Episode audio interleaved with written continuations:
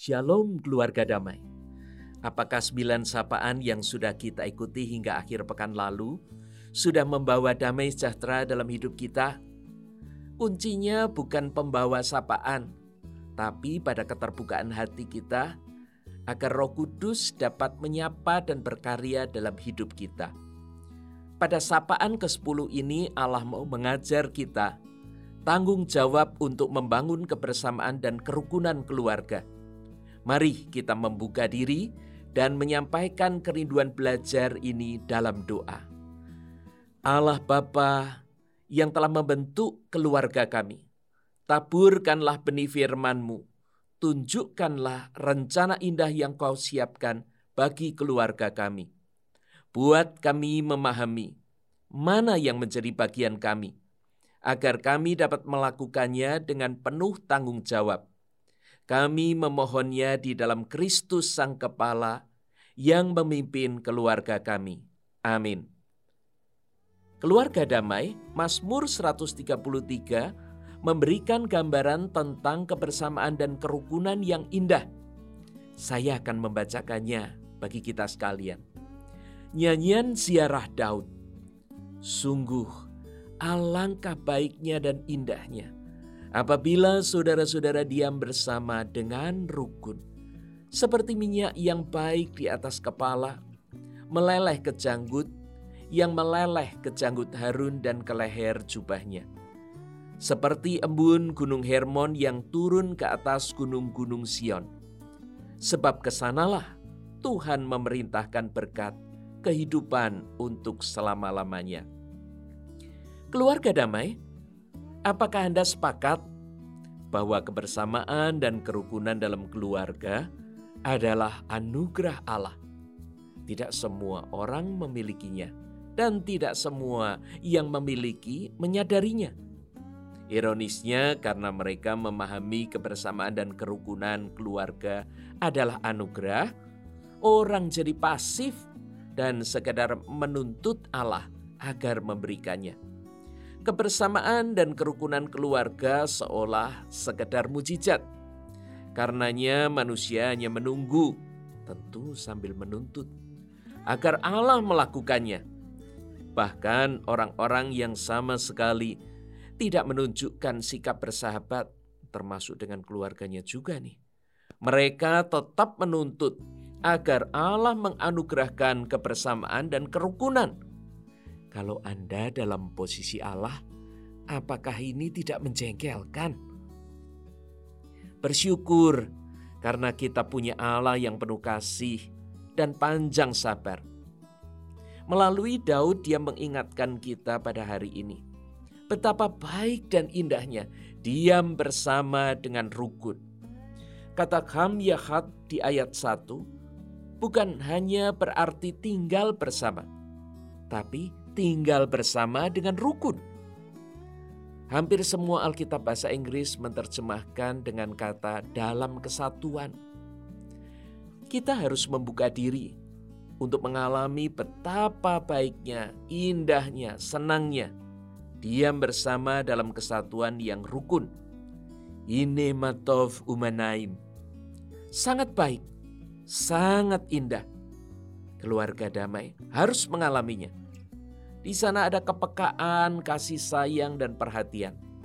Ada mengampuni, memberi diri, dan rela berkorban. Kompak sekali. Keluarga damai dalam masa pandemi ini banyak anggota keluarga yang stres. Tinggal bersama dengan orang yang tidak bisa mengerti dirinya. Terus-menerus mencela, bahkan membencinya. Wah, tinggal bersama orang yang seperti itu sungguh amat menyebalkan.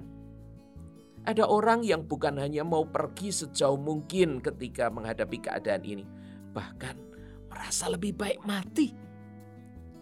Namun, ada kejadian yang unik dalam sebuah keluarga di Genova, Liguria, Italia Utara.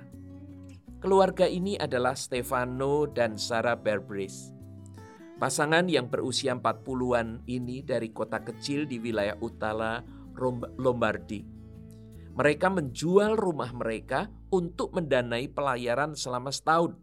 Mereka ingin menyeberangi Samudra Atlantik, menjelajahi Karibia, bahkan yang lebih jauh. Wah, berani sekali ya. Memang, kalau kita pergi ke pelabuhan Genova, sangat menarik. Kita pasti ingin segera berlayar.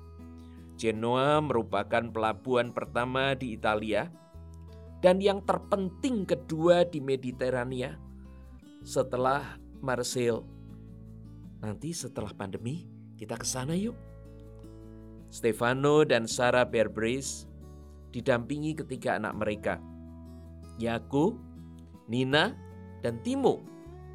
Tidak ketinggalan adalah Pepper, yaitu seekor Labrador yang juga ikut dalam perjalanan ini.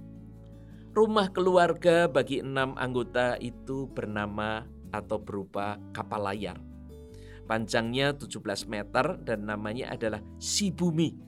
Kira-kira artinya dalam bahasa Jepang kecantikan yang berkelas.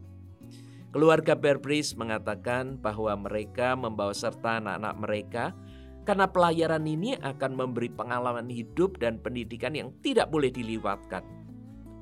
Mereka berangkat akhir September ini dari La Spezia di Liguria bagian barat laut Italia dan rute pertama mereka adalah menuju ke kepulauan Balearic Spanyol. Kemudian mereka akan ke Gibraltar dan kemudian keluar ke Atlantik. Ternyata diam bersama dengan rukun itu indah. Itu nyata. Stefano dan Sarah Berbris sampai mengorbankan rumahnya supaya mereka bisa berlayar bersama dengan anak-anak mereka sekeluarga. Kesatuan dan kerukunan itu digambarkan seperti minyak yang baik di atas kepala, bahkan meleleh ke janggut. Bukan sembarang janggut loh.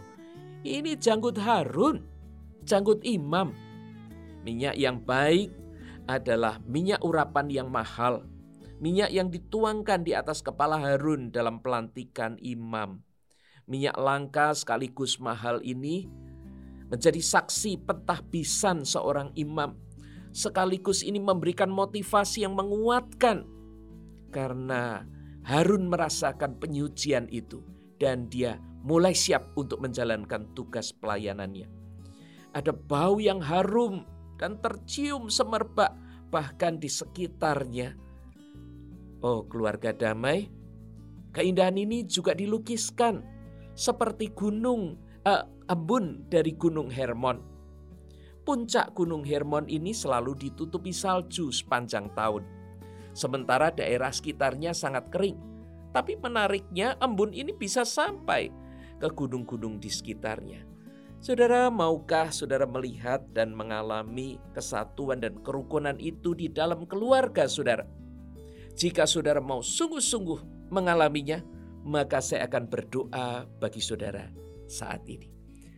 Ya Bapa, kami bersyukur karena engkau melekatkan kami di dalam sebuah keluarga. Kami rindu ya Bapak, keluarga kami mengalami kerukunan dan kesatuan itu. Karena itu biarlah engkau membuat mulai dari diri kami. Kami mau membuat keluarga kami bersatu. Kami rela berkorban, kami siap untuk mengasihi mereka semua. Karena itu berkaryalah di dalam keluarga kami. Di dalam Kristus Sang Kepala kami berdoa. Amin.